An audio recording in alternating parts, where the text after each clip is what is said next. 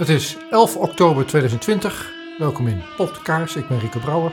We zijn in Leiden bij de Buitenparlementaire Onderzoekscommissie 2020, waarin ze deskundigen gaan horen over COVID-19 en de in dat kader door de Nederlandse regering getroffen maatregelen. Mevrouw van Steenis, goedemiddag. Goedemiddag. Welkom bij uh, deze zitting. Die wordt uh, gehouden op verzoek van de Buitenparlementaire Onderzoekscommissie 2020. Um, dat is een commissie die heeft mij gevraagd om als onafhankelijk uh, jurist een onderzoek, nou niet een onderzoek in te stellen, om getuigen te horen, om deskundigen te horen, die zich melden bij de commissie en die een opvatting hebben over het beleid van de overheid in zaken de coronacrisis. En um, de bedoeling is dat ik u ga verhoren. Dat klinkt dreigend, maar dat is, het is niet gevaarlijk. Uh, ik ga u voor, ik ga u niet interviewen, ik ga uw verklaring opnemen. En dus mijn vraag is: wilt u mij vertellen wat u te vertellen heeft? En ik ga dan proberen om dat op te nemen in een schriftelijke verklaring. Die dicteer ik aan de griffier. En u krijgt tijdens het dicteren, mag mij onderbreken als u vindt dat ik het niet goed doe. Aan het eind wordt de verklaring nog een keer aan u voorgelezen. Dan mag u ook vertellen nog een keertje of het wel of niet goed is. Het moet helemaal akkoord zijn. U moet er helemaal mee eens zijn. En dan gaan we de verklaring, als u zegt ja, zo is het goed, dan gaan we de verklaring uitprinten en dan krijgt u het verzoek of u wilt ondertekenen. Um, en de vraag is ook of u mij wilt beloven dat datgene wat u gaat vertellen, dat dat ook waar is. Dat, dat wilt u mij beloven? Mogen wij straks uw verklaring, als u die afgelegd, afgelegd heeft, mogen we die beschouwen als, als zou hij afgelegd zijn onder Ede? Ja. Ja? Goed. Um, uw naam. Ik heb begrepen Bettina van Stenis. Dat is uw volledige naam? Vetta, maar is mijn meisjesnaam. En Vetta is meisjesnaam. En mag ik uw geboortedatum vragen? 1 juni 1966. En geboorteplaats? Hannover in Duitsland. Dank u wel. Heeft u gezegd wat u wilde zeggen? Ja. Want dan ga ik de griffier nu vragen om langzaam voor te lezen. Ja. Dan gaan we allebei goed luisteren. En zodra u iets hoort waarvan u zegt, het is niet goed, onderbreek. We kunnen alles nog veranderen. Mag ik u vragen om een moment, zodat ik eventjes... Ja, neem uw tijd. Neem uw tijd. Fouten Ja, neem uw tijd. Ja, neem uw tijd. Heeft u nog wel... Uh, nou, Ja. ja?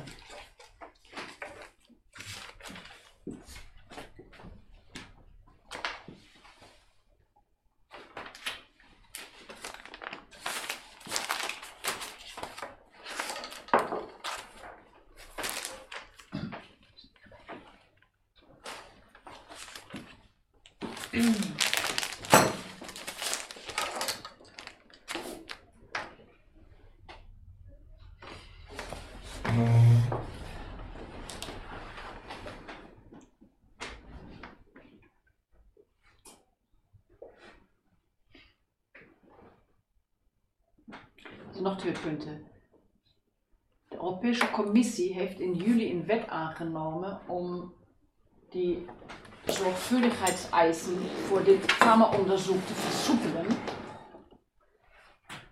Ik hoorde dat in de 8 uur radio nieuws en ik dacht, wow, dat is interessant. Er staat niks in de kranten.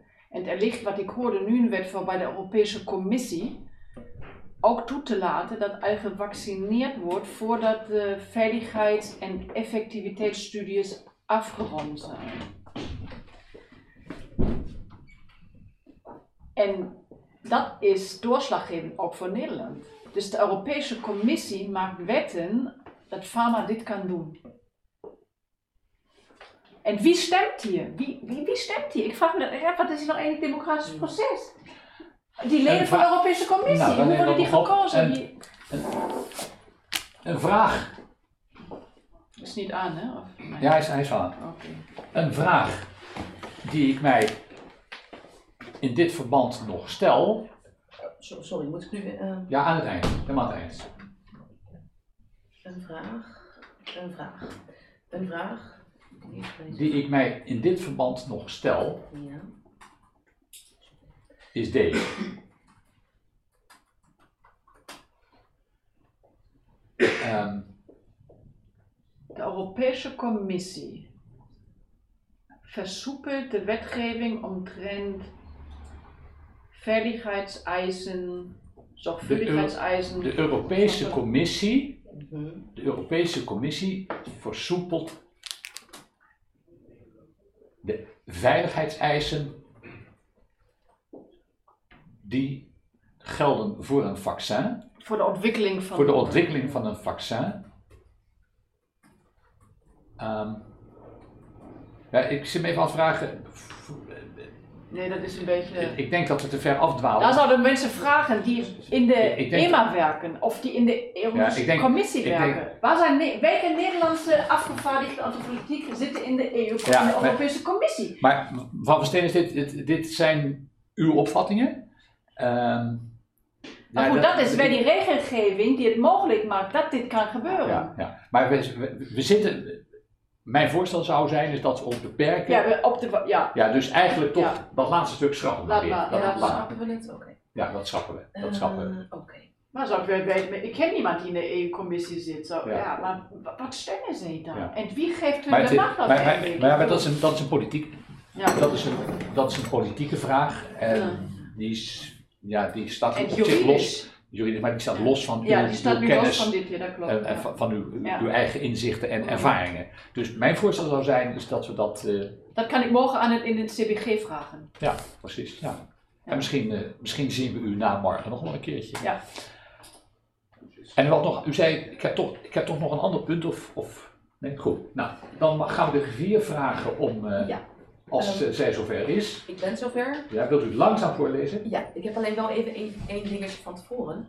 Ehm, ehm, we begonnen met dit verhoor ehm, met, toen zei u, als huisartsen werken wij volgens vier grote ethische principes. Ja. Alleen vervolgens werden er maar drie genoemd. En ik wilde niet het verhaal... eh, Nee, nee, dat snap ik. Snap. Oh, dat is een goede Dus opmerking. wat ik nu heb is, niet schaden, bij twijfel niet doen. Dat en, is één. Oh, dat is samen één. Ja, dat is Oh. samen. En respect voor autonomie. Ja, en dan hebben we nog wel doen, Oh, dat is één. goed doen. Goed doen. Nummer drie- één is niet schaden. Ja, En daaronder valt in twijfel niet doen. Want je wil schaden, dus dus ik daar niet. Dat is één. twee. Twee is goed doen. ja. Drie is eh, solidariteit. Goed doen. Eh, dat iedereen toegang heeft tot de zorg en die die meer nodig hebben krijgen enzovoort. Dus. En dat vierde is respect voor de autonomie. Ah, top. Autonomieprincipe. Dat staat het goed. Oké. Eh, dan zal ik het nu voorlezen. Als dat goed is. De getuigendeskundige heeft het volgende verklaard. Ik beloof dat mijn hierna volgende relaas naar eer en geweten zal zijn. U mag mijn verklaring beschouwen alsof hij onder ede is afgelegd. Als huisartsen werken wij volgens vier grote ethische principes. 1. Niet schaden, bij twijfel niet doen. 2. Goed doen. 3. Solidariteit. 4. Respect voor de autonomie. Als artsen moeten wij weten wat wij doen en handelen volgens de standaard van de wetenschap. Wij. Oh, dat staat er nu twee keer in. Wij artsen moeten weten wat wij. Dat moet, dat moet. Mij viel al snel op dat in de coronacrisis het ministerie van Volksgezondheid inzette op een vaccinatie. Dat zou volgens het ministerie de enige uitweg uit deze pandemie zijn.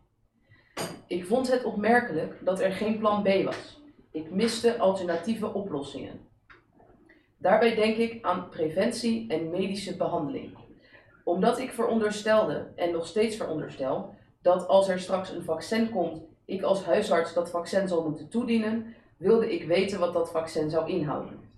Nieuwe alinea. Uit de vakliteratuur, met name het Nederlands tijdschrift voor geneeskunde, maar ook uit andere publicaties, werd mij duidelijk dat het ministerie van Volksgezondheid een contract had gesloten met AstraZeneca voor het ontwikkelen van een nieuw vaccin. Ik las dat voor het ontwikkelen van dat vaccin gebruik werd gemaakt van nieuwe genetische technieken. Dat is opmerkelijk, omdat nooit bewezen is dat deze nieuwe technieken werkzaam zijn. Bovendien kunnen zij bijwerkingen hebben, zoals ieder vaccin, maar daarvan is nog geen profiel. Ik verwijs naar het nummer van 11 september 2020, thema nummer vaccinaties van het NTVG. Uit de vakliteratuur blijkt dat het vaccin van AstraZeneca een genetisch gemanipuleerd chimpansee adeno- adenovirus is. Normaal gesproken worden van een virus de belangrijke eiwitten geïsoleerd en die worden dan door middel van het vaccin ingespoten in het menselijk stop. Het adenovirus waarin COVID-RNA ingebouwd is. Lees. Oké, want dat is mijn. eh, eh, Ja. Wacht, ik ga even terug. Ja? Uit de vakliteratuur blijkt dat het vaccin van AstraZeneca een genetisch gemanipuleerd chimpansee adenovirus is, Waarin, waarin waarin. SARS-CoV-2 RNA ingebouwd, Ah, oké. SARS-CoV-2 RNA ingebouwd wordt. prima. ingebouwd wordt. Prima. En dus bij deze dan. Normaal gesproken worden van een virus de belangrijke eiwitten geïsoleerd en die worden dan door middel van het vaccin ingespoten in het menselijk lichaam. Ons lichaam moet dat eiwit dan als vreemd eiwit herkennen en daartegen antistoffen maken. Op het moment dat dan een echt virus komt. Hm. Hm, Oké. Ja, u valt over het woord komt. Nou, ik, val weer, ik, ik vind het gewoon geen mooie zin. maar Ja, ik, nou maar ja, ik geloof niet nee, dat op ik een het mening moment- moet. nee, nee, Op het moment Het Dat echte er dan- virus ons, ons binnenkomt. dat er een epidemie, eh, dat Dat een, het, het echte virus ons aanvalt. Ons op het moment dat het... Of wij contact krijgen met het echte virus. Eh, dat is mooi. Dat is, ja, Op, ja. op het moment dat wij contact krijgen met Bijvoorbeeld bij een epidemie. Werkelijk. Hè? Ha- Haak je op Bij een, iedere, bij iedere griepgolf. bij, bij, bij, bij, bijvoorbeeld. Nou, bij een griep, bijvoorbeeld bij een griepgolf. Ja. Ja, oké. Oké. Ja. Oké, dus nu is het op het moment dat wij contact krijgen met het werkelijke virus, met, eh, bijvoorbeeld bij een griepgolf, herkent ons lichaam dat als vreemd en maakt dan de antistoffen aan. Herken dat en dat is dan dat, is dan dat, dat eiwit. Het virus. Het virus. Nou, ik ben Het even- virus. het vi- ja, maar, maar, het gaat, maar, het, maar het eiwit moet. Ja, ja, maar oh, we moeten het virus herkennen, wat dat eiwit heeft. En daarom- Ja, precies, maar het gaat om het eiwit. Maar ook al herkent, Het virus. herkent het virus. Ja. Dus ik wil graag het woord virus aan toevoegen. Ja, ja, Ehm herkent Herkent ons ons. lichaam dat virus Ja, dat virus. ja. als vreemd en maakt dan de antistoffen Ja. aan. Ja. Oké. Het verschil tussen de vaccins zoals tot op heden geproduceerd en het komende vaccin is dat niet de eiwitten, maar het genetisch materiaal van dit virus wordt ingespoten. Mhm. En het gevolg daarvan is dat onze eigen lichaamcellen die eiwitten moeten aanmaken. Mhm. Op zich heb ik als arts hierover geen oordeel, maar ik was en ben wel nieuwsgierig hoe dat dan werkt. Ik had daarover immunologische en biologische vragen. In de hoop antwoord te krijgen op mijn vragen nam ik contact op met collega-huisartsen, maar niemand kon mij een antwoord geven. Daarna heb ik contact opgenomen met een klinisch geneticus, maar hij wist het ook niet. Ik heb vervolgens op 19 juni aan het RIVM een e-mail gezonden en gevraagd om uitleg. Ik vroeg hoe het vaccin zou gaan werken, wat de mogelijke bijwerkingen zouden zijn en of de studiepopulatie representatief zou zijn voor de Nederlandse bevolking. En ik vroeg of er toegang zou zijn voor onafhankelijke wetenschappers tot de database van AstraZeneca. Enkele dagen later ontving ik een antwoord van het RIVM. Dat antwoord luidde dat er nog veel onduidelijk was omtrent het komende vaccin en dat ik mij voor meer informatie zou moeten wenden tot mijn eigen beroepsgroep. Ik begrijp dan niet dat, als het RIVM het nog niet weet, mijn eigen beroepsgroep het wel zou weten. Nadat ik het antwoord van het RIVM had ontvangen, heb ik mij gewend tot het NHG, tot Medisch Contact, ons vaktijdschrift, en tot het Nederlands tijdschrift voor geneeskunde.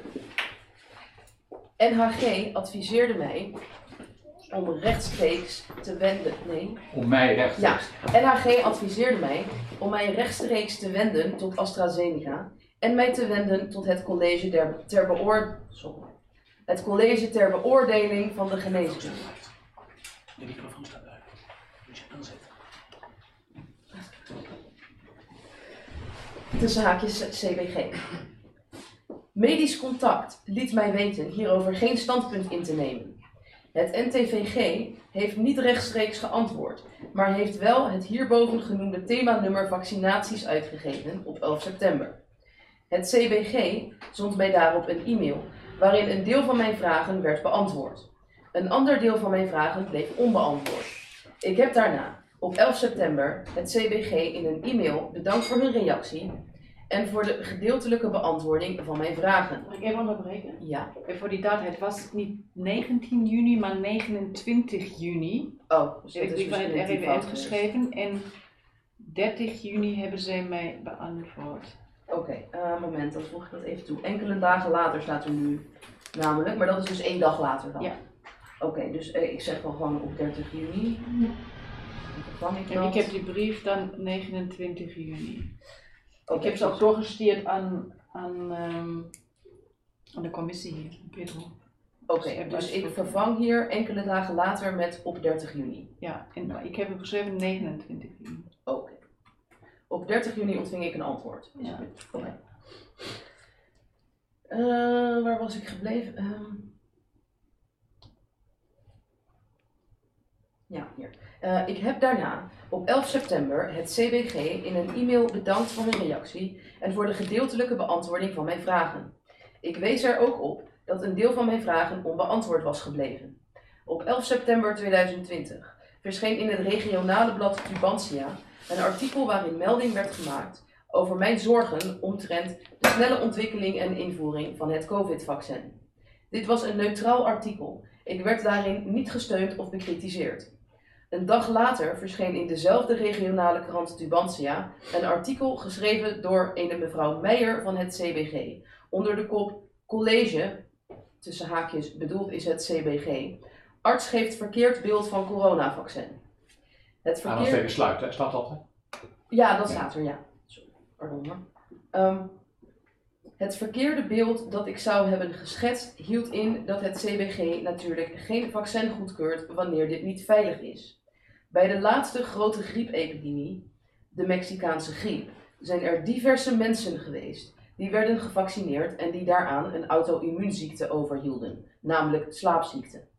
Bij het onderzoek door AstraZeneca naar een vaccin voor SARS-CoV-2 is een melding gemaakt van twee gevallen waarbij een ontsteking aan het ruggenmerg optrad. Dat geschiedde bij een, een proefpopulatie van, ik meen, zo ongeveer 30.000 mensen. Ik las dit in de vakpers. Maar, Maar er moet toch even, er moet toch even nog. Die, eh, die bijwerking komt een beetje ruw nu uit het. Het valt Ja. zo uit de lucht. Dus daar moet nog dat even een komt zin. in dat we dat verplaatst hebben. Ja, dus daar moet dan nog een zin voor. Voor ik verder ga. Wacht, ik, eh, een moment hoor. Moet ik eventjes dat stukje weer terugvinden. Eh, ja, oké. dus dat Voor ik, moet... voor ik verder ga met mijn betoog. Wil ik eerst iets zeggen over het fenomeen bijwerkingen bij vaccins.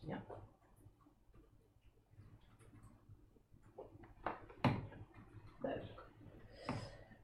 Oké. Nou, ehm, ik ga even verder vanaf daar. Ja, dat is goed. Voor ik verder ga met mijn betoog, wil ik eerst iets zeggen over het fenomeen bijwerkingen bij vaccins. Bij de laatste grote griepepidemie, de Mexicaanse griep, zijn er diverse mensen geweest die werden gevaccineerd en die daaraan een auto-immuunziekte overhielden, namelijk slaapziekte. Bij het onderzoek door AstraZeneca naar een vaccin voor SARS-CoV-2 is melding gemaakt van twee gevallen waarbij een ontsteking van het ruggenmerg optrad. Dat geschiedde bij een proefpopulatie van, ik meen, zo ongeveer 30.000 mensen. Ik las dit in de vakpers. Maar er traden bij die populatie ook andere bijwerkingen op. Eh, punt komma. Diarree, koorts, spierpijn, vermoeidheid.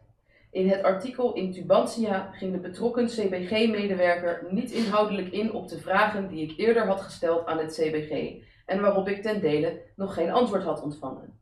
Wel verklaarde de schrijfster dat zich geen haakje openen, ernstige haakje sluiten bijwerkingen zouden voordoen bij meer dan 1 op de 5000 gevaccineerden. Even stop. Misschien moeten we daar dan toch nog even iets invoeren van dat ook onduidelijk is eh, wat daar dan mee wordt bedoeld. Ja, ja. Eh, Het wordt niet verder uitgelegd. Want- of- dit wordt niet verder uitgelegd. Ehm, de medewerker, de, de, de, sch- de schrijfster legt daarbij niet uit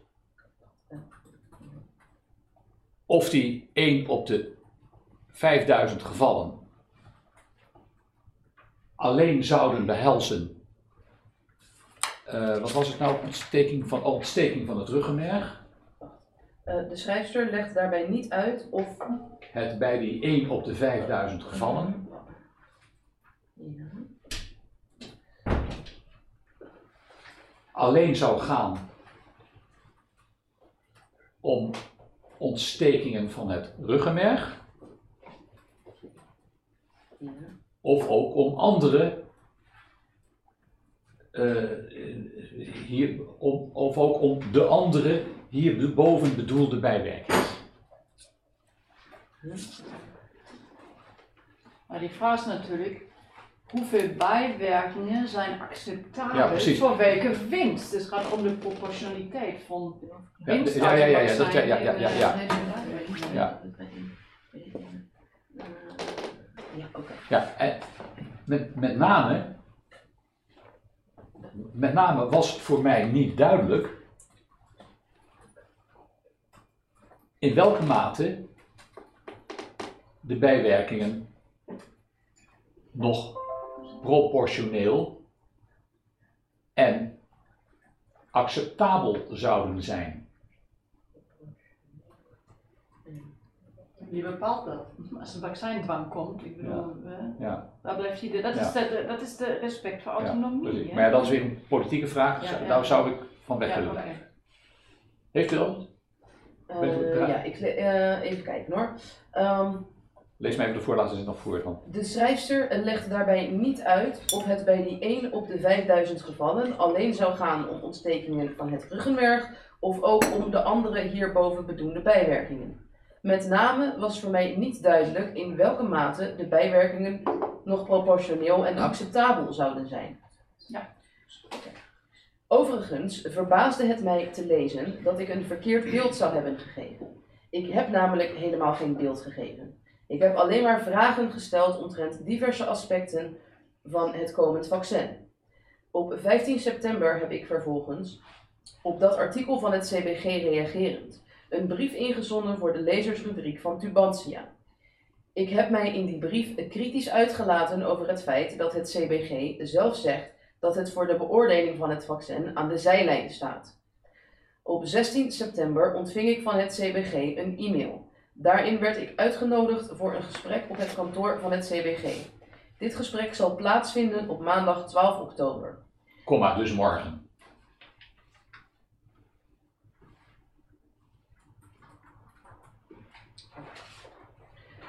Ik heb, dit in, eh, ik heb hier dan een nieuwe alinea. Ik voer deze zoektocht uit omdat ik als arts verantwoordelijk ben voor de middelen die ik aan mijn patiënten toedien. Ik kan geen verantwoordelijkheid nemen voor mijn professioneel en ethisch handelen wanneer ik dat niet kan onderbouwen met betrouwbare kennis. Helemaal akkoord? Ja. Nou, dan eh, v- voorgelezen, volhard en ondertekend staat als het goed is. Kunt u het dan printen? Ja. En dan, eh, als u dan wilt ondertekenen, dan ga ik het ook ondertekenen. Ik ga hem één keer checken nog, voor spelling. Oké, prima. Dat, eh, Wordt het hier uitgeprint? Of Ja. niet? ja, ik heb mijn printer mee. Ja. Ja. genomen. Ja. Ja.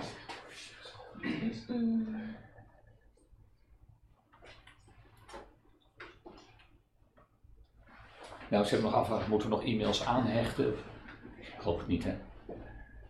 Nee, dat zou niet doen. Kan je altijd nog niet bewaren allemaal. Dan zie je ook op die krantenartikelen. Ja. Nou, wat mij betreft hoeft het niet. Nee. Kan altijd. Prima, Ik heb al zo'n prima, foto. prima. Dit hotel heet Barones van Leiden. Hè? Klopt dat? Ja, We gaan de locatie. Ja.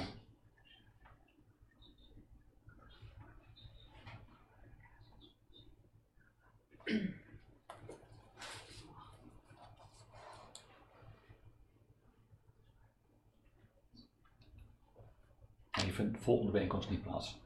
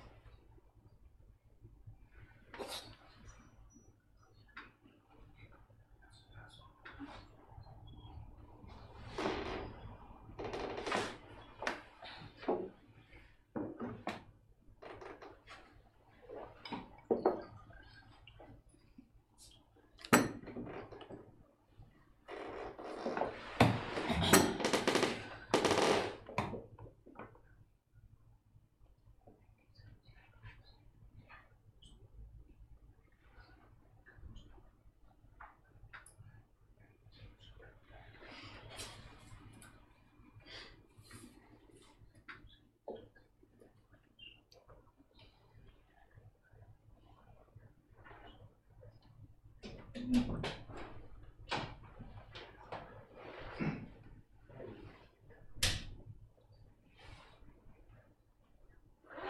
Eh,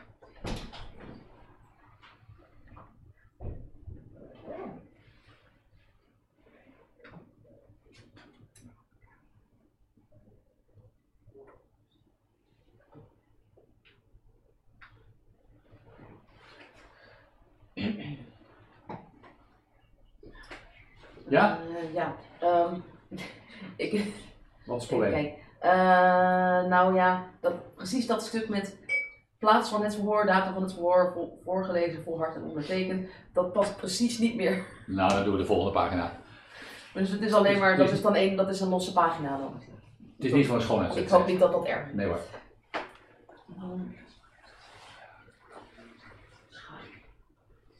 We printen?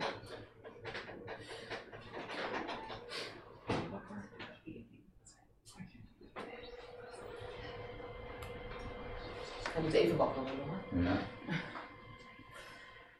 En als u dan alle pagina's, kunnen hoeveel pagina's het zijn? Meerdere? Twee. Oh, oh nou, Ja. van. Twee en, en één Ja, met alleen de Als u losse pagina's parafeert Mhm. en eh, aan het eind eh, de handtekening zet. Ja. Dus ja.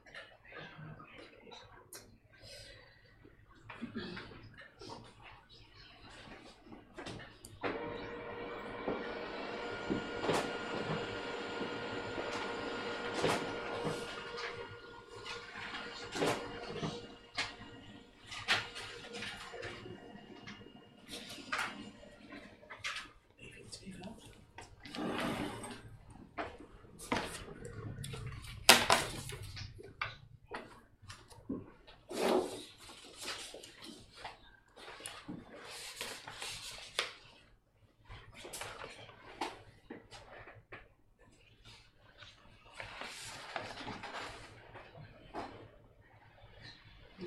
Ja, zo.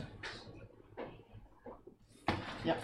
En de commissie, ik zal hem ook tekenen en paraferen en dan zal de commissie u een kopie van uw eigen verklaring toesturen.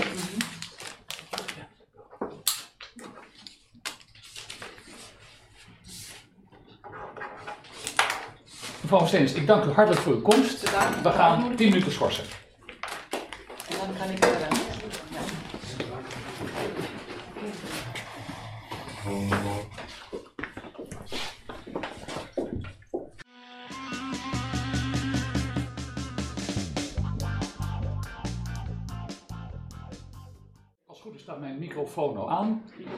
Van u ook, mevrouw Schippers.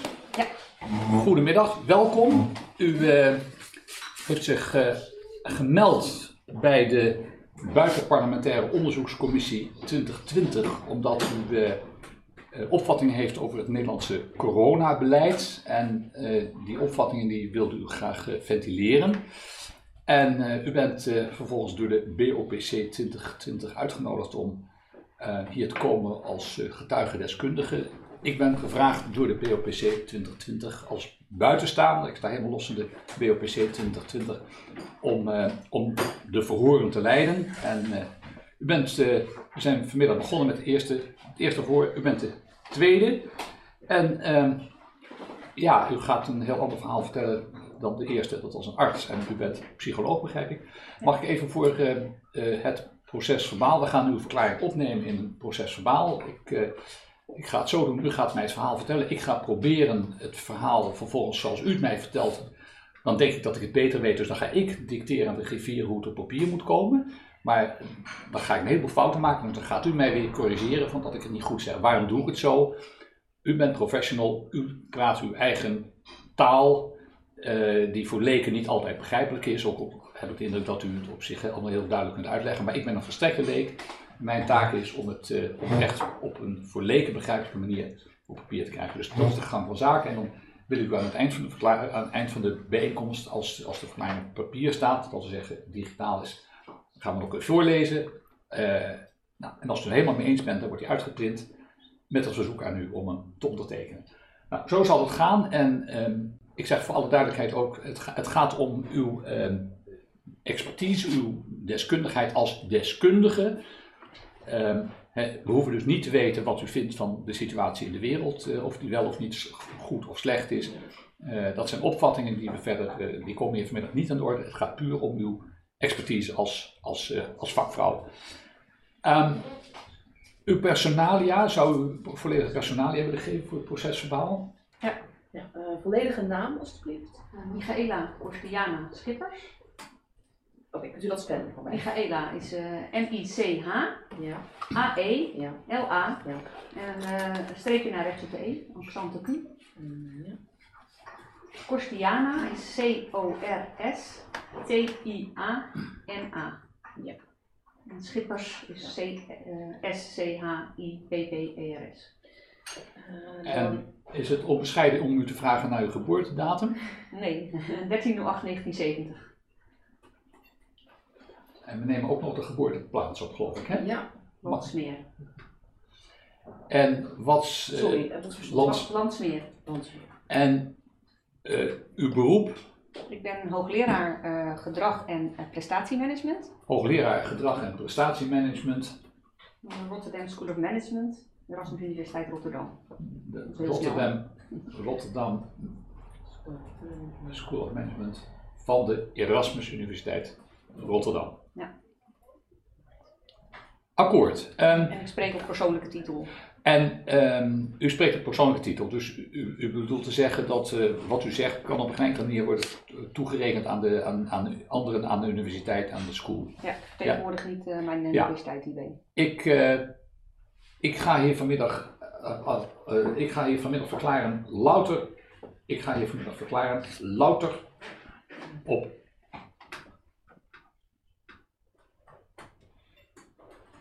persoonlijke titel.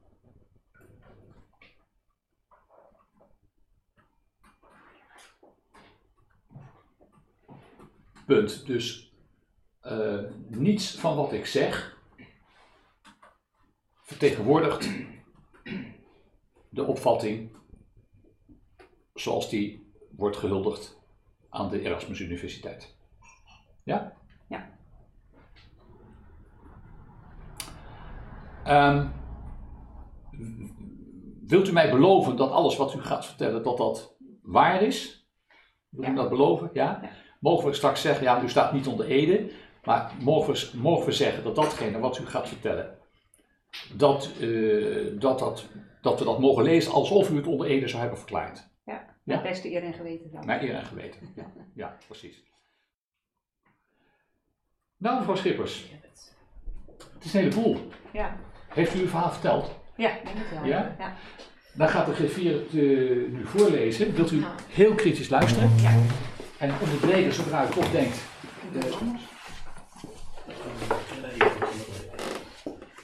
Onderbreken zodra u denkt toch dat het goed is. Ja.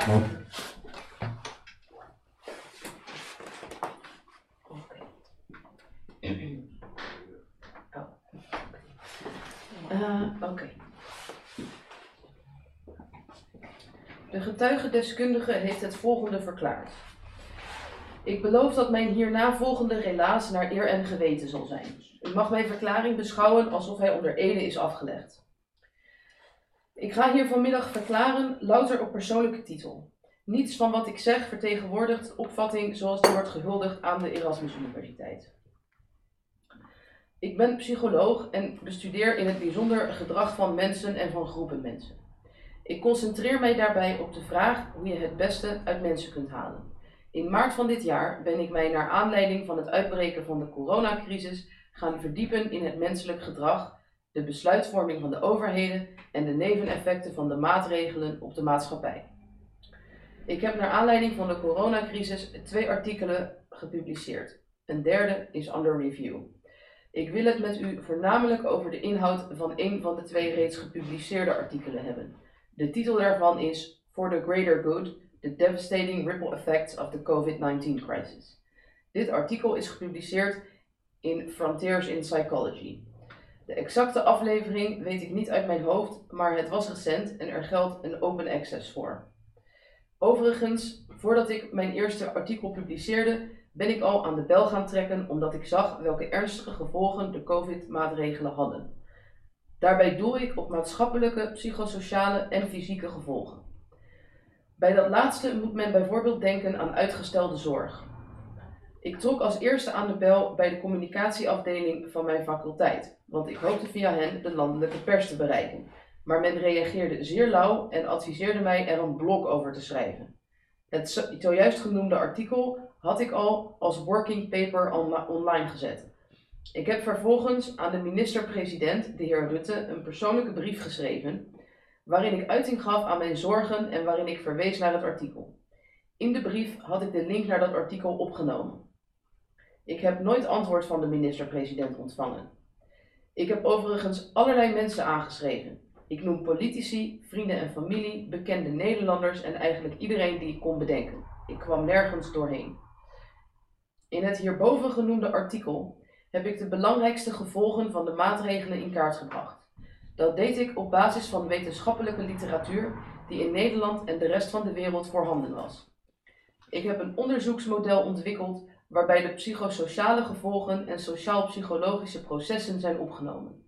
Daarbij wordt gekeken naar de diverse... Moet ik, dus zeggen, moet ik niet zeggen, op in kaart zijn gebracht? Is dat niet mooier? Ja. Ja. En opgenomen wordt in kaart. Worden. Ik heb een onderzoeksmodel ontwikkeld waarbij de psychosociale gevolgen en sociaal-psychologische processen, oh, sorry, processen in kaart zijn gebracht. In kaart zijn gebracht. Ja, dat is heel mooi.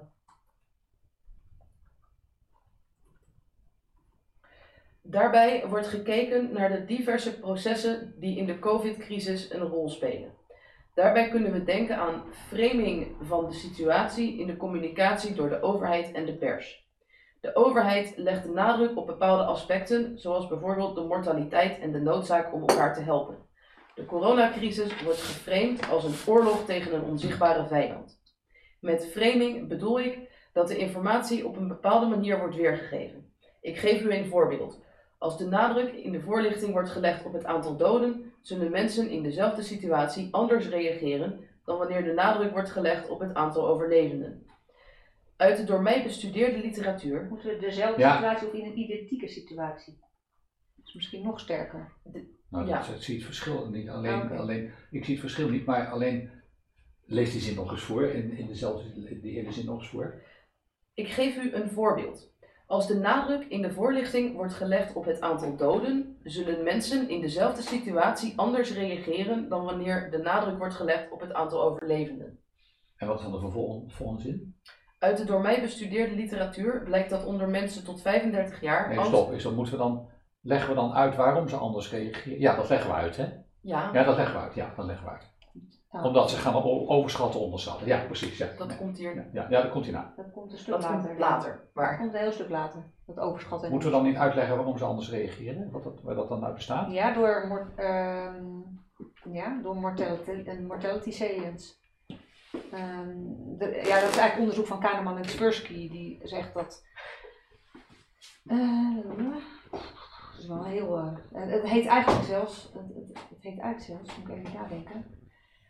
Uh, de Asian Disease Problem is dat. Daar kan ik naar verwijzen. Dan kunnen mensen zelf opzoeken. De Asian Disease Problem is, is um, heel, heel toevallig dat het zo heet. Dat is al jaren bestaand paradigma waarin je uh, twee situaties beschrijft. En de een zeg je van, er is een, dus een geheimzinnige ziekte uitgebroken.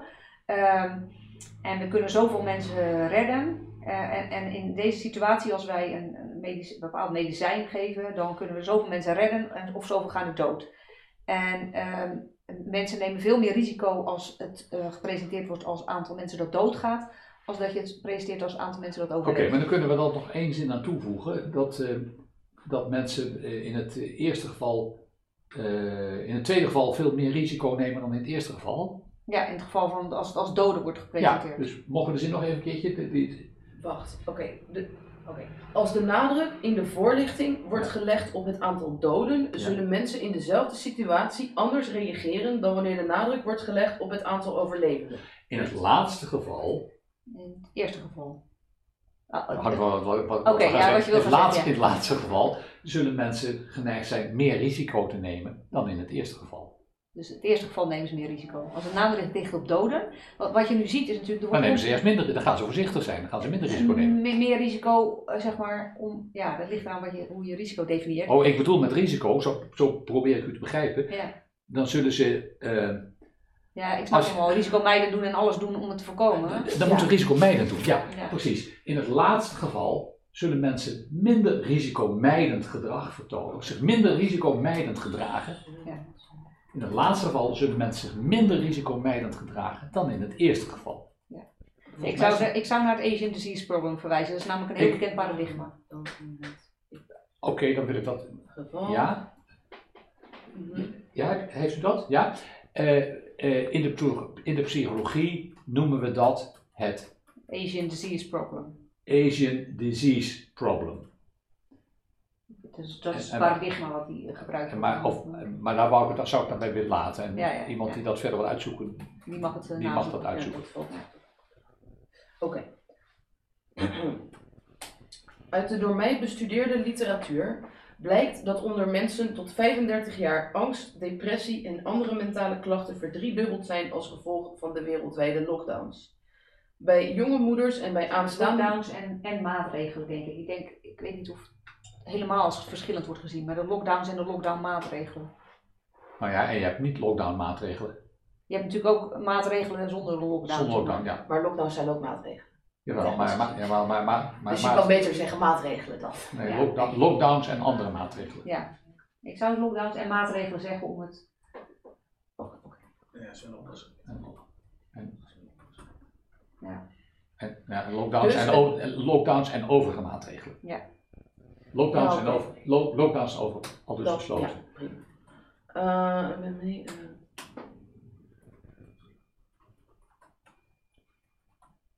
Ja, oké.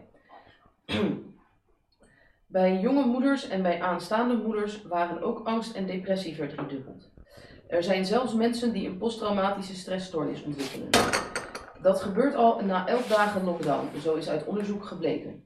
Als het gaat om jonge moeders, zien we dat hun angst en depressie weer leiden tot hechtingsproblemen ten aanzien van hun kind. Wat hechtingsproblemen betekenen voor het kind, hoef ik, verder, hoef ik hier verder niet uit te leggen. Daarover is genoeg literatuur voorhanden.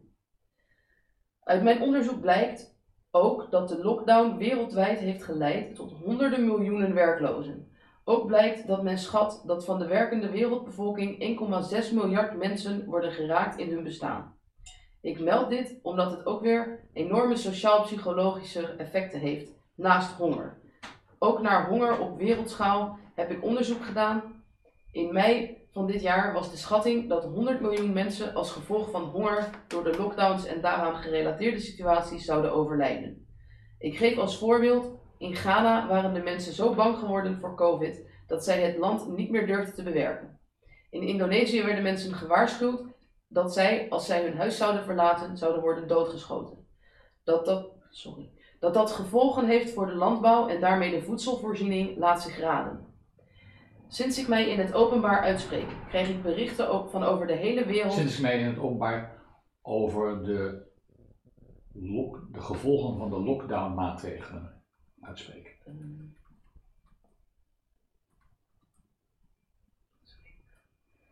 Ehm, Oké. Eh, krijg ik berichten van over de hele wereld van mensen die in nood zitten of de nood van anderen zien. Zo schreef iemand mij: je kunt of binnen blijven of. Nee, sorry, opnieuw. Je kunt, ook, je kunt of binnen blijven en verhongeren, of naar buiten gaan en het risico lopen doodgeschoten te worden.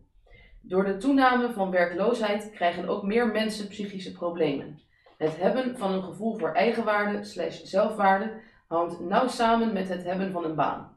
Werkloosheid en daarmee gepaardgaand verlies aan gevoel voor eigenwaarde leidt in de praktijk soms tot suïcide en of andere mentale problemen. Ik constateer dat het... Suïcide is geen mentaal probleem natuurlijk, hè? Dus die, die, Nee. eh, ik zou niet Nee. zeggen en eh, of, maar gewoon en. Eh, Oké. Ja, of, ja, ik weet niet, tot mentale problemen Tot- en zelfs tot- suïcide. Exact wat omgooien. Ja. Leidt tot mentale problemen. Oké, wacht. Mentale problemen. Eh, Oké, dus het woord, Tot het woord tot- En soms werkloosheid en daarmee gepaardgaand verlies aan gevoel voor eigenwaarde leidt, nee dat moet zijn leiden, leiden in de praktijk tot mentale problemen en soms, En, en, en, soms zelfs suïcide. oké, ja, Ja? oké. Ja, dat wordt ook verwacht dat het enorm gaat toenemen, suïcide. En verwacht wordt dat toe. En en op basis waarvan wordt dat verwacht? Hoe- waarom zegt u dat? Dat staat op, ja, dat heb ik hier ook. Ik heb Op- het wel opgenomen waar al dat soort eh, artikelen in staan, zeg maar. Die dit Dus ook dit is weer gebaseerd. Zo'n artikel heet The Perfect Storm, ja, die gaat eh, daarover. En dat is een op welke- Engels-Amerikaanse. Amerikaanse studie ook, ja. Uit, eh, wil, voeg daartussen nog even uit een Amerikaanse studie. Blijkt. Nee, in een Amerikaanse studie, sorry, in een Amerikaanse studie. Zullen we de naam noemen? The Perfect Storm? Heet dat zo? Dat het een Perfect Storm heet, inderdaad. Even kijken. Ik hem even aan het opzoeken.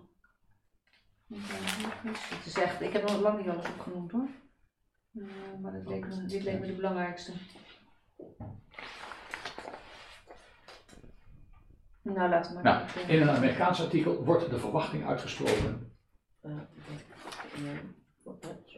Wordt, De verwachting uitgesproken. mhm. dat het aantal zelfmoorden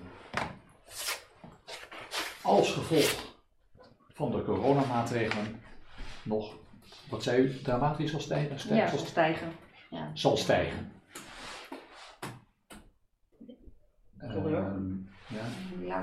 Toch niet 100% zeker of ik hem had opgenomen. Zullen we die maar weglaten? Nou ja, nee, want als u, Ja. ook als u het niet beschreven, het gaat om wat Ja. u mij kunt verklaren, niet Ja. wat in het artikel staat. Nee, oké, oké. Dus, dus dit baseert u op een artikel, Ja. dus dat, Ja. dat mag erbij. de, ehm, de verwachting dat het aantal suïcides als gevolg van de coronamaatregelen Zal stijgen. zal, oké, zal stijgen. Ik constateer dat het proces van framing ertoe leidt dat mensen zich gaan conformeren en dat zij gehoorzaam worden. Wij noemen dat in de psychologie conformity and obedience. Ik heb op dat proces kritiek, want als mensen zelf zouden begrijpen dat corona gevaarlijk is, zouden zij zelf passende maatregelen treffen. In het begin van de coronacrisis hield 95% van de bevolking zich aan de geadviseerde maatregelen. Er was toen geen dwang nodig. Ik zie als psycholoog dat mensen nu, hoewel ze weten dat een mondkapje niet werkt, het toch dragen en van hun medemensen hetzelfde verlangen. Ja, zullen we zeggen bijvoorbeeld een mondkapje, want het gaat, geldt eigenlijk Ja, voor alle maatregelen. Ja, ik zie bijvoorbeeld. Wacht, maar waar moet dan... eh, Bijvoorbeeld dat een mondkapje niet werkt. Ook al weten mensen zin- dat ik, zie, ik zie als psycholoog dat mensen nu, hoewel ze weten dat een mondkapje niet Ja, ik werkt, zie bijvoorbeeld dat een mondkapje.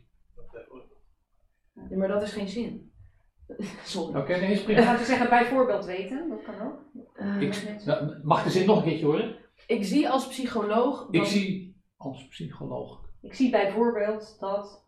Ik zie als psycholoog. Ja, Dit is maar, dit is maar een voorbeeld. Of, eh, eh, eh, een, een, een voorbeeld, dubbele punt. Ik zie als psycholoog, dat kan ook, hè? Een voorbeeld. Eh, één moment. Ik Nee, maar dat is een uitwerking, uitwerking, uitwerking van. eh, ehm, Eh, lees de zin nog een keer voor. Sorry hoor. maar oh, Ik zie als psycholoog dat mensen nu. een, voor, een voorbeeld. Ja, achter de voor, hiervoor, dus achter zin obedience en wat stond er? Conformity en ja, obedience. dat is al een heel stuk terug. Oké. Eh, in het begin van de coronacrisis hield 95% van de bevolking zich aan de geadviseerde maatregelen. Er was toen geen dwang nodig. Nu zie ik bijvoorbeeld als psycholoog. Oh ja. Nu zie kan. ik bijvoorbeeld als psycholoog. Oké. Nu zie ik bijvoorbeeld als psycholoog dat mensen. Oh, dat mensen, hoewel ze weten dat een mondkapje niet werkt, het toch dragen en van hun medemensen hetzelfde verlangen. Dat noem ik een bijgelovige handeling. Ik noem het eigenlijk zelfs obsessief gedrag. Ik zie hetzelfde bij mensen met een obsessive-compulsive disorder, tussen haakjes angst- en dwangstoornis. Obsessief handen wassen, obsessief schoonmaken en zo zijn er nog vele andere handelingen te noemen. Bij mensen met een stoornis als deze of andere stoornissen verergeren die stoornissen. Dat zijn er wel. Oké. Hmm. Wat is het? Verergert Het dit woord gedrag. stoornis komt te vaak voor. Nou, dat is allemaal zo. Eh, voor, of voor, verergert dit gedrag. Oké, dat kan ook. Vererger dit gedrag. Ja. Eh, Want die gaan, Dat dat was ook Goeie. een verhaal wat ik ook las van iemand die zei ook van, ik, ik, ik krijg nu, Rutte zegt het zelfs, ik moet mijn handen kapot wassen. Dus ja, dat doe ik, deed ik al, maar dan doe ik het nog erger. En nu heb ik ook zelfs bevestiging van, van, van de regering dat ik dat moet doen. Mijn handen kapot moet wassen. Ja, Dus- ja, ja, ja, ja, ja. Dus in plaats van dat je het afleert, gaan, gaan ze het veel erger doen. ja. Dus die was ook letterlijk zijn handen kapot aan het wassen. Dit is nog wel even goed om erbij op te nemen. Ehm, even kijken, waar zou die kunnen? ehm, nou, direct na deze zin. Ja. Direct na bij mensen met een stoornis als deze of andere stoornissen verergert dit gedrag als gevolg van de maatregelen. Punt. Ja. Eh, ik neem waar dat. Dat. Ik, ik las het ook in de krant. Hè. Er was een man die vertelde zijn verhaal van ik heb, nu, ik heb nu bevestiging gekregen dat ik dit ook echt moet doen en ik doe het ook veel erger. Dat stond een vrouw ook in, eh, heel verhaal in de krant. Kan- Ja, ja, oké, ja. Nou, dat, maar dat is niet Maar ik dat. zie het ook in mijn omgeving. Ik zie het ook bij mensen. hè. Ik word ook opgemeld door mensen die, die me vertellen dat hun stoornissen veel Oké, erger nou, maar dan kom ik bij uw vakgebied uit. Ja. Wat in de krant staat, bij, dan kom ik bij uw vakgebied. Ik, ik, ehm, ik word ook benaderd door mensen, benaderd door mensen die zeggen. dat zij na de oproep van de minister-president dat wij onze handen aan het openen kapot moeten wassen, aan het sluiten.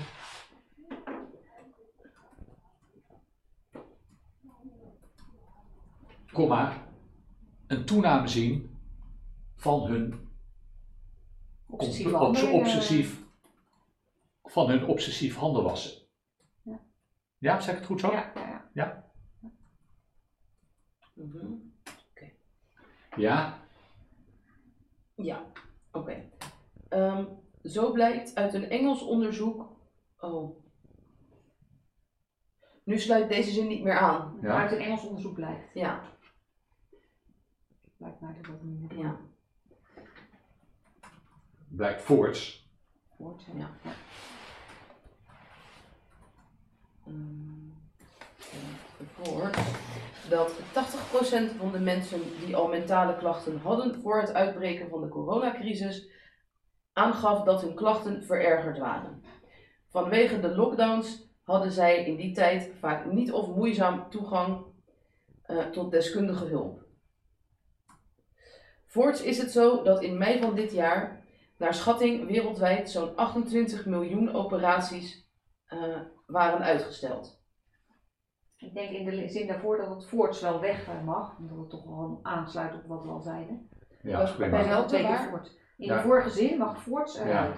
Ja, bij die zin, bij die zin 11. 11 procent. eh, Ja, oké. Ja, Ja, eens. dat kan er. Oké.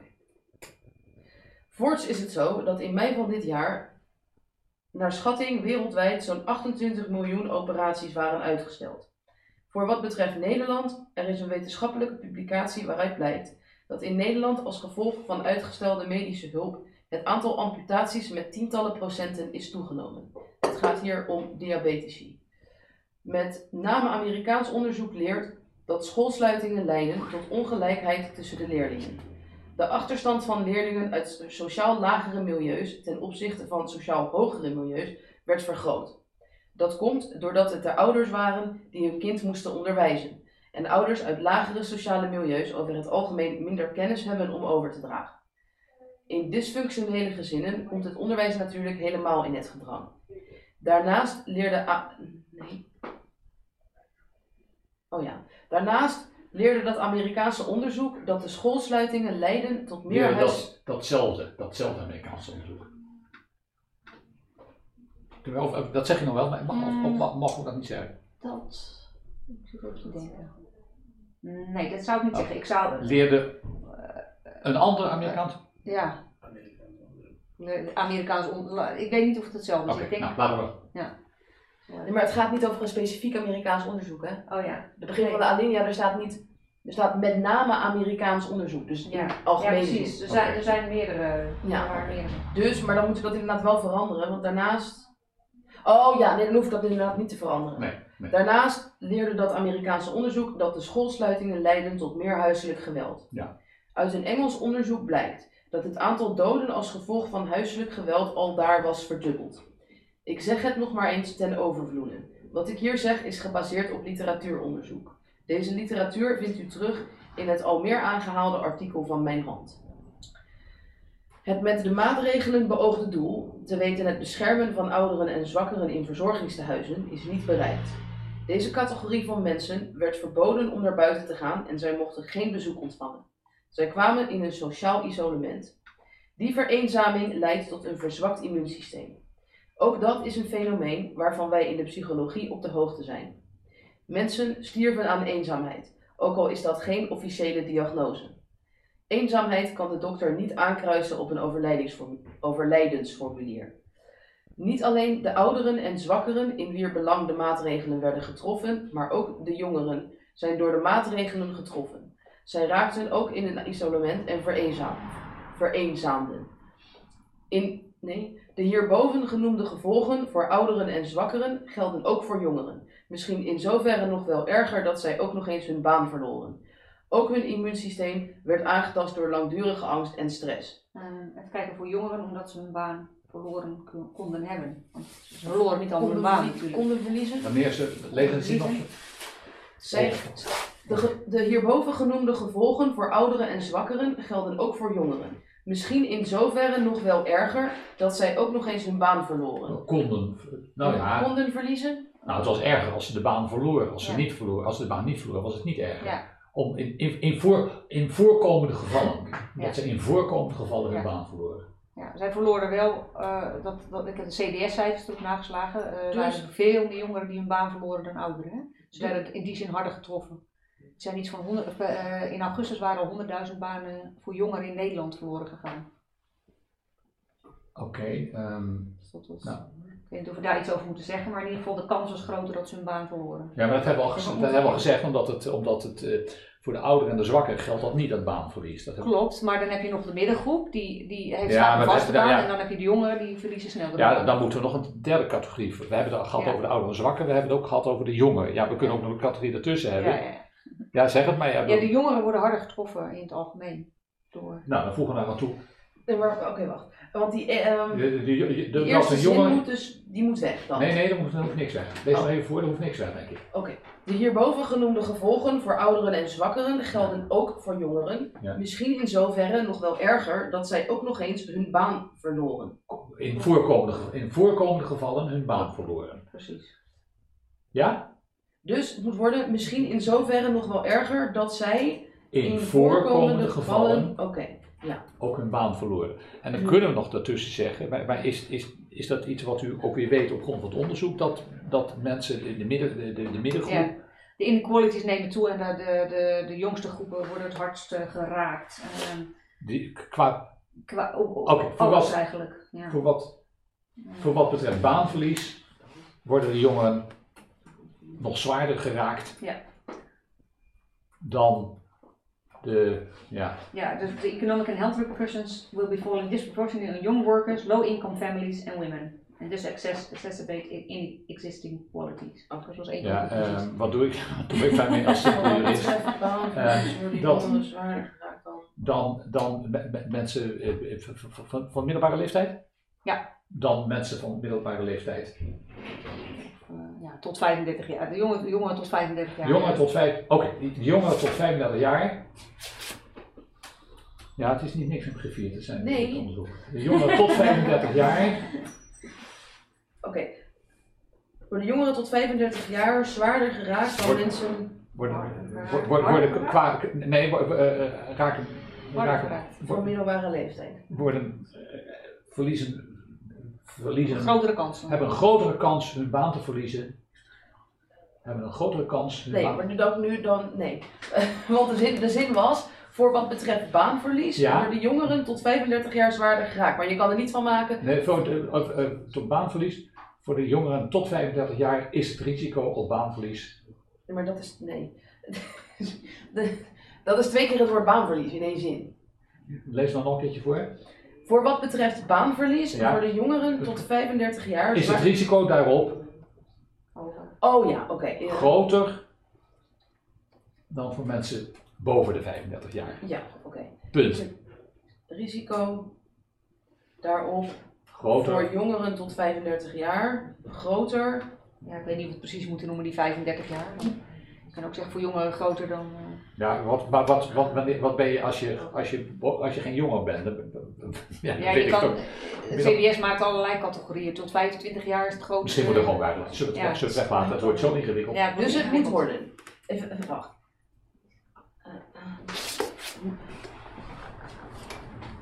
Voor jongeren. Oké, voor Voor wat jong- betreft baanverlies is het risico daarop voor jongeren groter Het, gro- het, het, dan voor. Jongeren en vrouwen zelfs, maar goed. Ik weet niet of we dat nog moeten zeggen. Dan voor, nee, eh, voor, voor jongeren het grootst. Ja, Voor jongeren het grootst. Punt. Ja, oké. Ja? Ook hun immuunsysteem werd aangetast door langdurige angst en stress. Het is mij bekend dat sociaal-demograaf Maurice de Hond een onderzoek heeft ingesteld waaruit blijkt dat jongeren de kans dat zij zullen overlijden aan corona wanneer zij besmet raken met tot 500% overschatten. Mensen in de hoogste leeftijdscategorie. toch niet kunnen overlijden? Niet beter? Dat ze zullen overlijden of kunnen overlijden? Ze Ja, overschatten ja. de kans dat ze kunnen overlijden met 500%. Ja, ja. Dus dat moet in plaats van Zullen het moet kunnen. Zullen zullen- moet kunnen zijn. Mensen in de hoogste leeftijdscategorie, de zogenaamde kwetsbaren, overschatten die kans nog altijd met 25%. Dit steekt schril af bij wat mensen normaal gesproken inschatten. Mensen onderschatten doorgaans de kans dat zij met een ziekte in aanraking zullen komen en daaraan zullen overlijden.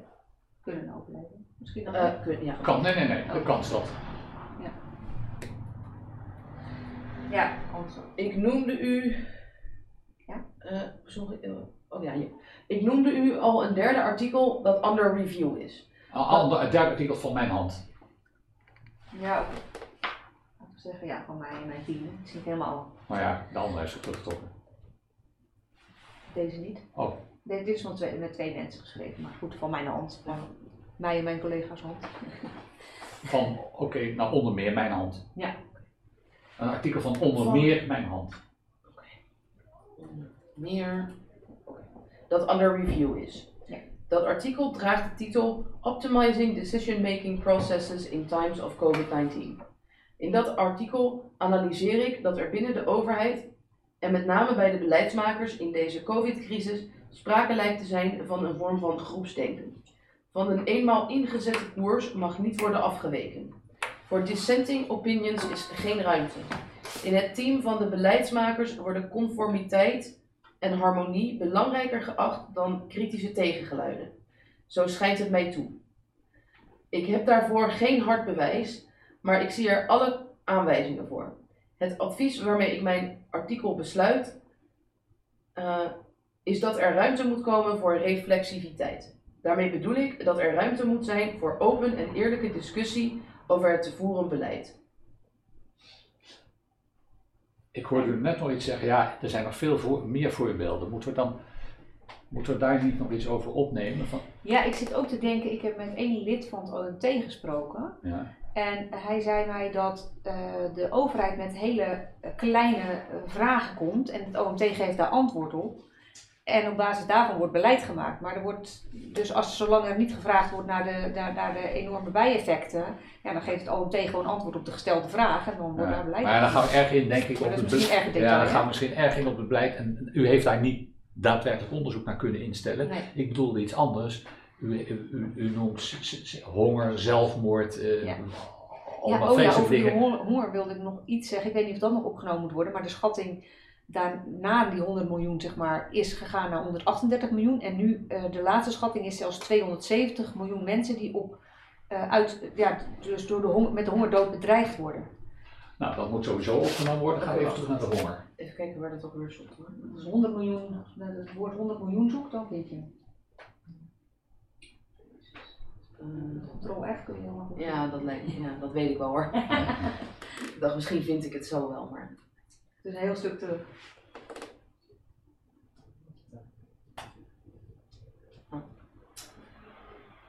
Want hoe langer de lockdowns die, hoe Ja. ernstiger Ja, dat ja, wordt. En Ja, ja, ja, nee, deze-. De eerste schatting was van mij, maar dat was een wetenschappelijk artikel. Dat, dat staat nog steeds als working paper online. Toen vond ik een artikel waarin de eh, hulporganisaties de noodklok luiden. En die noemden het 138 miljoen. En nu, eh eergisteren las ik 270 miljoen mensen die op Oh, ja, hongerdood bedreigd worden. Oké, eh, ja. Eh, in mei van dit jaar was de schatting dat 100 miljoen mensen als gevolg van honger door de lockdowns en daaraan gerelateerde situaties zouden overlijden. Ja. En daar moet een, een, eh, een recent artikel Mhm. leert dat de verwachtingen nu zijn bijgesteld en dat rekening moet worden gehouden met 270 Twee- 270 miljoen mensen die met de 270 hongerdood miljoen. bedreigd worden. Maar dat is dan wel een combinatie van factoren. Hè? Dus ook natuurlijk oorlog, conflict en de maatregelen. Dat stond dan wel expliciet in dat artikel. En, eh, Ja, maar, kun- ja, maar we- hebben het nu over de gevolgen van, van het coronabeleid. Ja, hè? dan, was het 100, dat was bijgesteld naar 138 miljoen. Oké, Oké, dus dus eh, bijgesteld, wat is de zin? een recent artikel leert dat de verwachtingen nu zijn bijgesteld. En dat rekening moet worden gehouden met 138 miljoen hongerdoden, alleen als gevolg van de COVID-maatregelen. Trek het goed zo? Ja, ik weet niet of het echt uitsluitend is. Dan moet ik even kijken of het echt uitsluitend is. Zullen we dan zeggen, kunnen we zeggen, durft u dat zo te zeggen, dat die verwachting naar boven moet worden bijgesteld? Die verwachting moet naar boven worden bijgesteld. Ja. ja, omdat dit al van mei was en sindsdien nog veel lockdowns zijn geweest. Dus als we dan gaan zeggen, inmiddels blijkt, mag de zin nog even horen? een recent artikel leert dat de verwachtingen nu zijn bijgesteld. Dus het moet naar, naar boven zijn, naar boven Dat de verwachtingen nu de, de verwachting van ho- ho- hoeveel, 100 miljoen was van 100 miljoen naar boven moet worden bijgesteld. Dus ik wacht, die hele zin moet dus weg. Eh, even kijken. Nee, Jawel, maar dus, nee, niet helemaal. Maar oké, dus een recent artikel leert dat de verwachtingen. ten aanzien van de 100 miljoen hongerdoden. Oké, ten aanzien van de genoemde. Nee, dat zei u niet. Nee. Ehm, ten aanzien van de 100 miljoen hongerdoden hongerdoden naar boven naar boven. moeten worden bijgesteld. Oké. Oké. Maar u zei nog iets anders. Ja. U heeft voor een aantal verschrikkelijke dingen opgezond, maar u zei er is nog meer. Ehm, Zei u te- of heb ik dat niet goed begrepen? ja, ik zei het wel, maar ik weet het nu even niet meer wat. Nee, maar nee, nee, maar het gaat niet om, het gaat niet om wat dat is. Maar eh, Ja. ja. er zijn misschien wel Ja, er zijn nog meer. eh, eh, Maar, maar dan, eh, kunnen, eh, dan kunnen we nog een zin opnemen. We zouden nog een zin kunnen opnemen. Ja, Want ik heb hierboven een aantal eh, hoogst ongewenste gevolgen eh, genoemd. Maar er zijn er nog meer. Dat ziet mijn artikel. Ja. Is dat, ja, ik heb Ja? het in een tabel opgezocht. Oké. eh, Maar moet ik. ja, dan moet ergens, voordat we gaan beginnen aan eh, het onderzoek, eh, Bijvoorbeeld uh, dat moedersterfte, groepsdenken. kindsterfte Ja, is ja. toegenomen. Dat, dat weet maar je. dat- voordat we aan het groepsdenken beginnen. Dus tegen het einde. Ja, tegen het einde. Waar gaat het, wat moet het onderwerp zijn? Eh, Ehm, dan wil ik nog toevoegen, dan wil ik nog toevoegen. Ik heb, eh, ik heb hierboven een aantal nee, maar waar, waar, moet... Bo- Boven het stuk waar, we begint, waar eh, eh, mevrouw Schippers begint met dat ze de regering heeft onderzocht, het, het groepsdenken. Oké, en dat gaat over dat derde artikel. Dus, dat derde- ja, die- daarbo- dus, daarboven. boven die, boven Juist. die alinea. Daarboven moet nog komen te staan. Ja? Ik heb hierboven een aantal ongewenste gevolgen van de COVID-maatregelen genoemd. Punt. Helaas zijn er nog meer te melden. Mhm. Punt. Kortheidshalve verwijs ik daarvoor naar mijn artikel. Mhm. Is dat goed zo? Voor de greater good, ja. Dan wel de. Voor de Ja, greater good is devastating erbij. side effects of COVID-19 crisis. Specifiek, Maar dat is dit- toch... dat- specifiek dit artikel, ja. Maar, Ja, maar, ja, maar- ja, maar we Er hebben het er hier... Oh, we hebben het- we nog steeds over binnen dit artikel. We hebben het, we we hebben het nu nog steeds over het, Ja. het eerste artikel. Dus naar mijn bovenstaande artikel. Top. Ja? Eh, ja. Ehm maar weet ik Ja? niet meer zo goed. Oh ja, tuurlijk. Want, want nu zit ik aan het einde, wacht. Ja, ja, doe maar Eh, rustig, doe maar rustig. oh nee, nee, daar was, nee, dat klopt wel. Wacht, had ik dit al voorgelezen? Ehm nee, dat klopt wel. Eh, Oké. Eh, ik noemde u al een derde artikel van onder meer mijn hand dat under review is.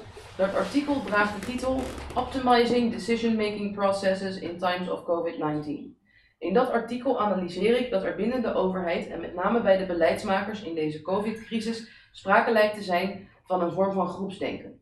Van een eenmaal ingezette koers mag niet worden afgeweken. Voor, di- sorry. Voor dissenting opinions is geen ruimte. In het team van de beleidsmakers worden conformiteit en harmonie belangrijker geacht dan kritische tegengeluiden, zo schijnt het mij toe. Ik heb daarvoor geen hard bewijs, maar ik zie er alle aanwijzingen voor. Het advies waarmee ik mijn artikel besluit is dat er ruimte moet komen voor reflexiviteit. Daarmee bedoel ik dat er ruimte moet zijn voor open en eerlijke discussie over het voeren beleid. Reflexiviteit schrijf je met een x geloof ik. hè? Mhm. Reflex. Ja. Ja, activiteit en korte ei. Mevrouw Schippers, Ja. bent u bereid om hieronder, eh, onder, als dit uitgeprint is, uw handtekening te zetten? Ja. Ja? Mevrouw de Rivier, wilt u uitprinten? Dat weet ik zeker. Of moet u nog een spellingcontrole doen? Nee, dat heb ik eh, inmiddels wel gedaan. Eh, ja.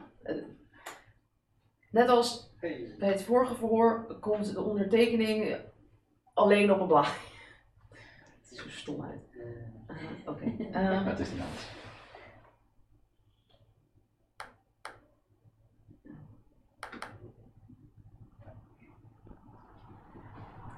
Oh, oh shit. Nee, eh, eh.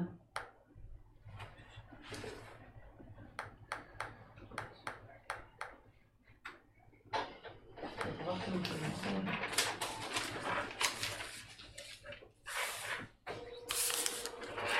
Ja, die 138 is wel echt een uh, estimate die men, eh, ja, ik hem wel opgenomen.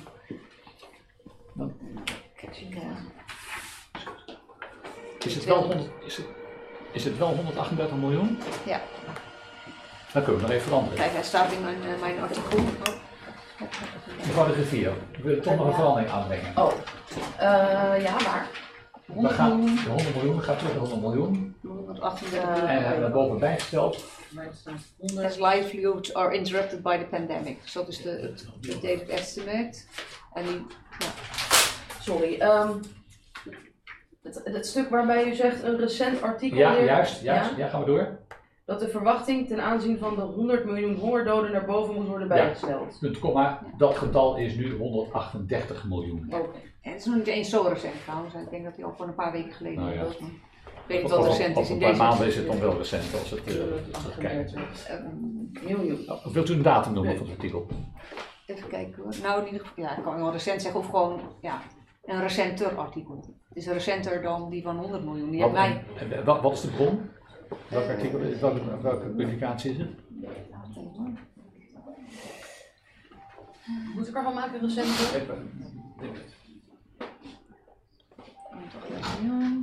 Kennedy et al. Ik moet even, even naar beneden doen. Kennedy.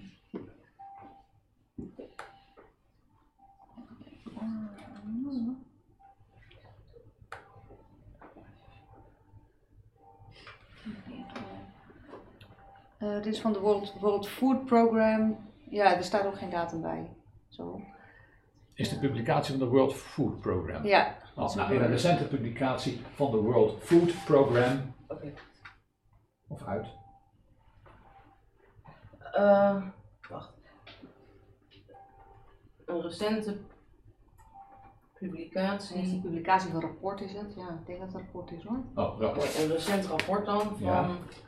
Van wie, sorry? Van de World Food Program. Oké, ja. Program leert dat de verwachting ten aanzien van de. Dat, dat.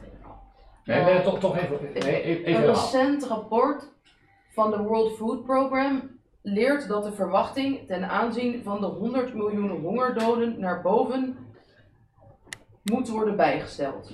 Dat getal is nu 138 miljoen. Ja. ja. Ja.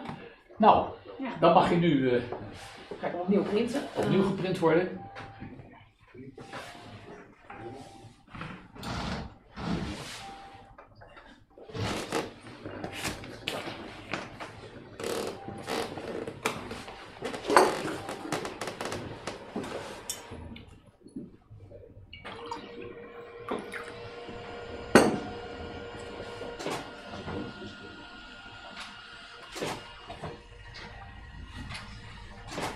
Ongelooflijk. 138 miljoen mensen. En er wordt gewoon getikt. Probeer dat al zo lang aan de, onder de aandacht te brengen en er wordt gewoon op gereageerd. Als Dank u wel.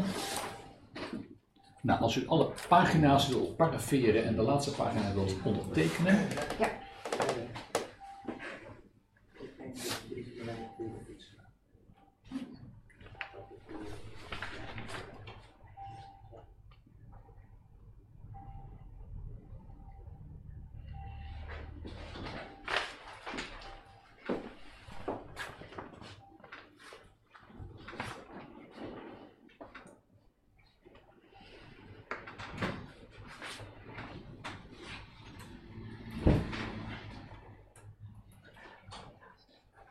Zal ik het ook paraferen en ondertekenen. Mag ik de andere pagina's ook?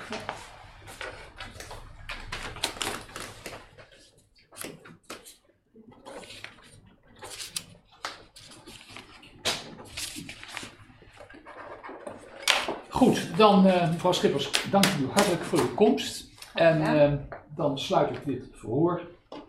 En dan eh, ja, zie ik de griffier denk ik weer terug. Ja. Dankzij. Ik denk dat de artikelen moeten worden bijgevoegd, maar dan zou ik deze daar heb, oh, eh, oh, dat heb ik niet opgenomen. Nou, het is te vinden. Het is, het is ja, wat, wat wil ik? kan het bijvoegen. Ja, dit zijn niet de meest recente versies, dus dat is dan niet handig. Ik kan de links even sturen.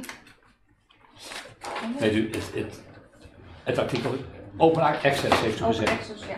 We laten die Die bij. andere is ook te vinden. We laten het hierbij. Ja. Dank u wel. De bijeenkomst is gesloten. Yes, we came, we saw, he died.